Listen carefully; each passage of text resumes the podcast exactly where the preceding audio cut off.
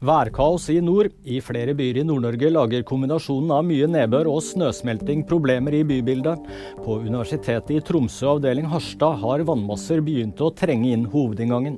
Andre steder i Harstad ligger det store dammer i veibanen og gir krevende kjøreforhold.